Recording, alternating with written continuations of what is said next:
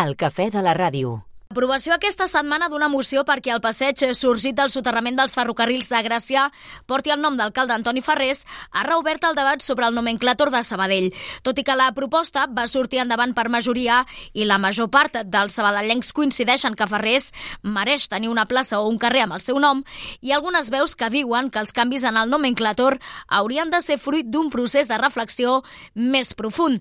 I és que la moció aprovada també incluïa altres temes, com dedicar-li un carrer a Muriel Casals o a Pere Casaldàliga, dues propostes aprovades pel ple, o retirar els noms lligats a l'esclavisme o al feixisme dels carrers de Sabadell. Per posar una mica de llum a tot plegat, avui conversem amb l'historiador local Martí Marín. Molt bon dia.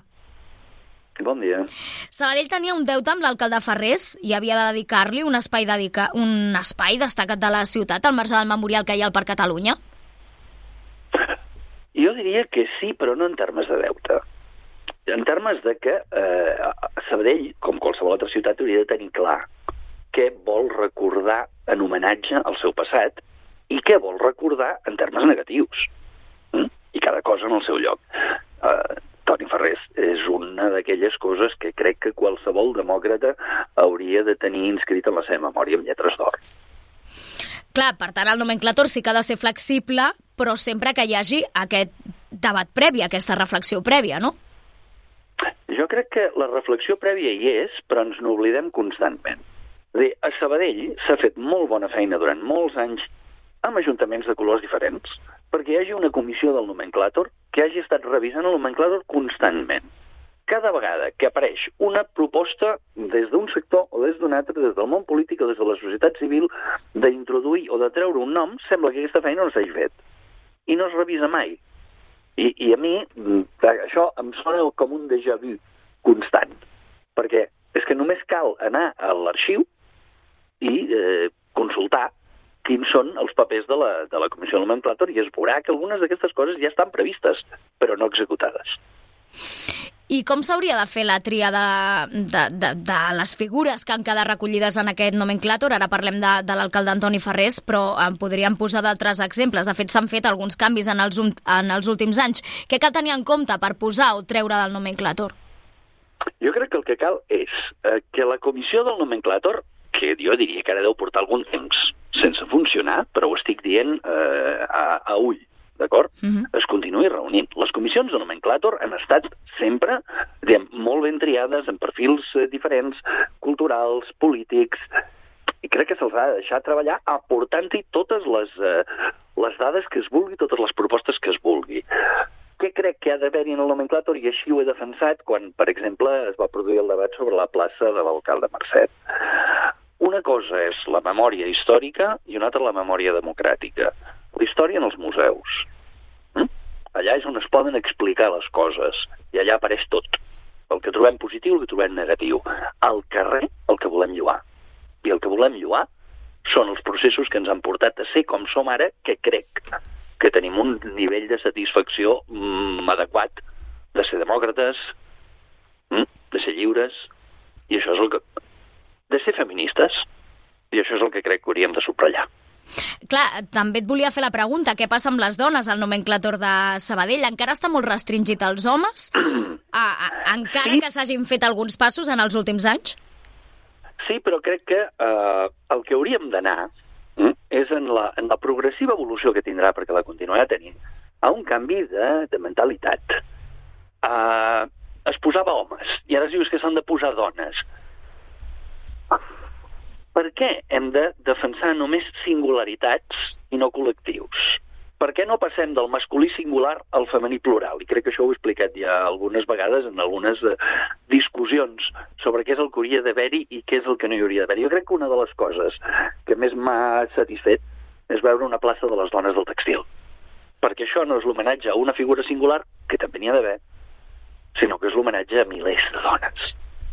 I crec que hauríem d'anar per aquí i a vegades doncs, eh, mirallar-nos menys en les singularitats que després a la carrasca resulta que igual no eren tan singulars ni tan importants ni tan macos. Al fil d'ara que em treus aquest tema, de la plaça de les dones del tèxtil, de fet a Ràdio Sabadell vam fer un exercici uh, per sortir al carrer i preguntar què pensaven els sabadellencs d'aquesta incorporació uh, de l'alcalde Antoni Ferrés. En la majoria dels casos la gent ja estava d'acord, però també ens treien el tema de l'alcalde Mercet, que hi havia gent que no entenia per què s'havia fet aquest canvi si ells tenien un bon record del llegat, tot i ser franquista, del que havia fet l'alcalde Mercet. Tot això s'hauria de tenir en compte també a l'hora de configurar uh, el nomenclàtor?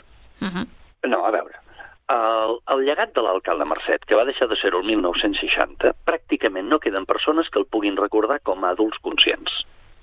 Mm? Uh -huh. Han passat 64 anys. Per tant, quina edat tenien aquestes persones? Si el que tenen és un record adquirit, transmès per via familiar, o per via d'amics, o per via d'haver llegit alguna cosa, haurien de veure ha transmès exactament això. Perquè el que és absolutament impensable és que hi hagi un sol carrer d'Alemanya on hi hagi un rètol homenatjant un alcalde nazi. Per què? Perquè no va ser elegit. Va ser nomenat. I això és el que li passa a Mercet. És indiferent si ho va fer peu malament. Això no pinta res en aquesta història. Com a alcalde, va ser nomenat, no va ser elegit. I va ser nomenat per un règim colpista que ell havia contribuït com a combatiente de l'exèrcit franquista a, uh, a instaurar. Per tant, com a alcalde, no. Ah, que el gremi de fabricants li vol fer un homenatge com a fabricant i li posen una placa, ah, bé, molt bé, això és una altra història. És com el que alguna vegada havia dit sobre l'alcalde Toni Llom. Uh mhm. -huh. Com a alcalde, no, perquè va ser nomenat, no elegit. Ah, com a animador cultural del teatre La Faràndula... Pensem molt bé, és una altra dimensió de la seva vida que no hi té res a veure. Però com a alcalde, ni parlar-ne. Com a alcalde, mínim, mínim demòcrata. I a ser possible, eh, no condemnat per corrupció, naturalment.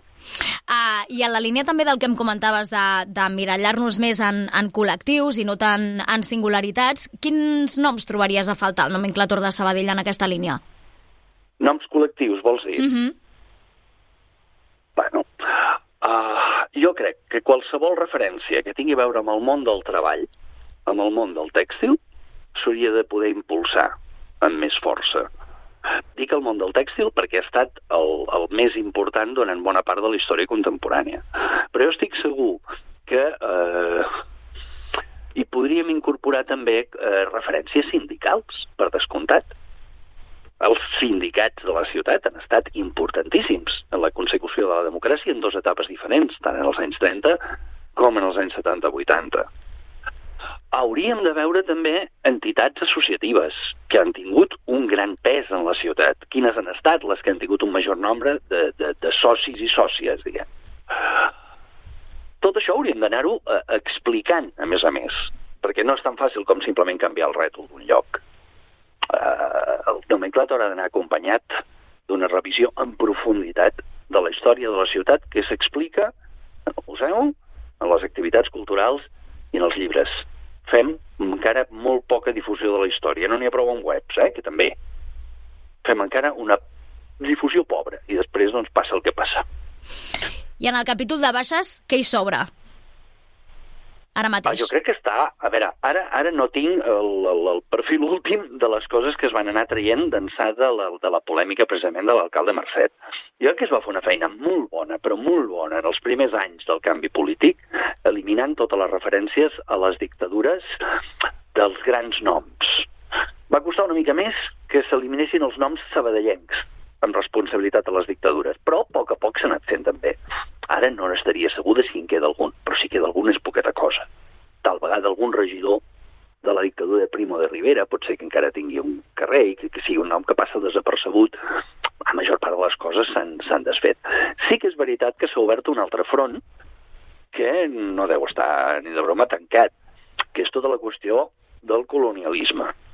Del que té a veure amb la conquesta de, de, de la que és actualment Amèrica Llatina, amb la colonització, amb l'esclavisme, això hauríem de revisar. No estic segur de si nosaltres tenim un carrer ara d'Antonio López, no, no, no ho tinc a la retina. Aquest, sí, no, home, aquest nom no, no ho sé exactament, ara just eh, ho estem buscant, però sí que es feia referència mm. al carrer Marquès de Comilles, que també anava una mica en ah, aquesta és el mateix, línia. és Antoni López ah. Marquès de Comilles, doncs la ja mateixa està. persona. Doncs, Val. doncs com Val, és la mateixa persona, ja ja tenim aquest carrer. Sí, Clar, sí, aquesta és, és, una de les grans manera que van retirar reivindicacions. l'estàtua, que van Mm. retirar l'estàtua a Barcelona, doncs, home, això, això també també s'hauria de, de, de poder fer.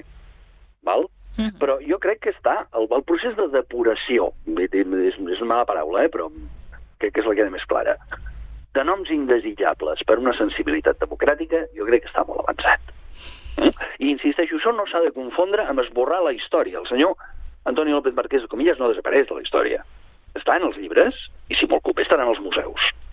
I estaran les pel·lícules, si se'n fan, o en els documentals. Ah, al carrer no, perquè al carrer s'hi posa, a qui s'hi posa, per homenatjar-lo. I no li podem fer homenatges a qui es va fer milionari mm, segrestant gent a Àfrica per portar-los a Amèrica, sincerament. Doncs aquestes són les reflexions de l'historiador local Martí Marín. Gràcies per atendre'ns avui. Bon dia.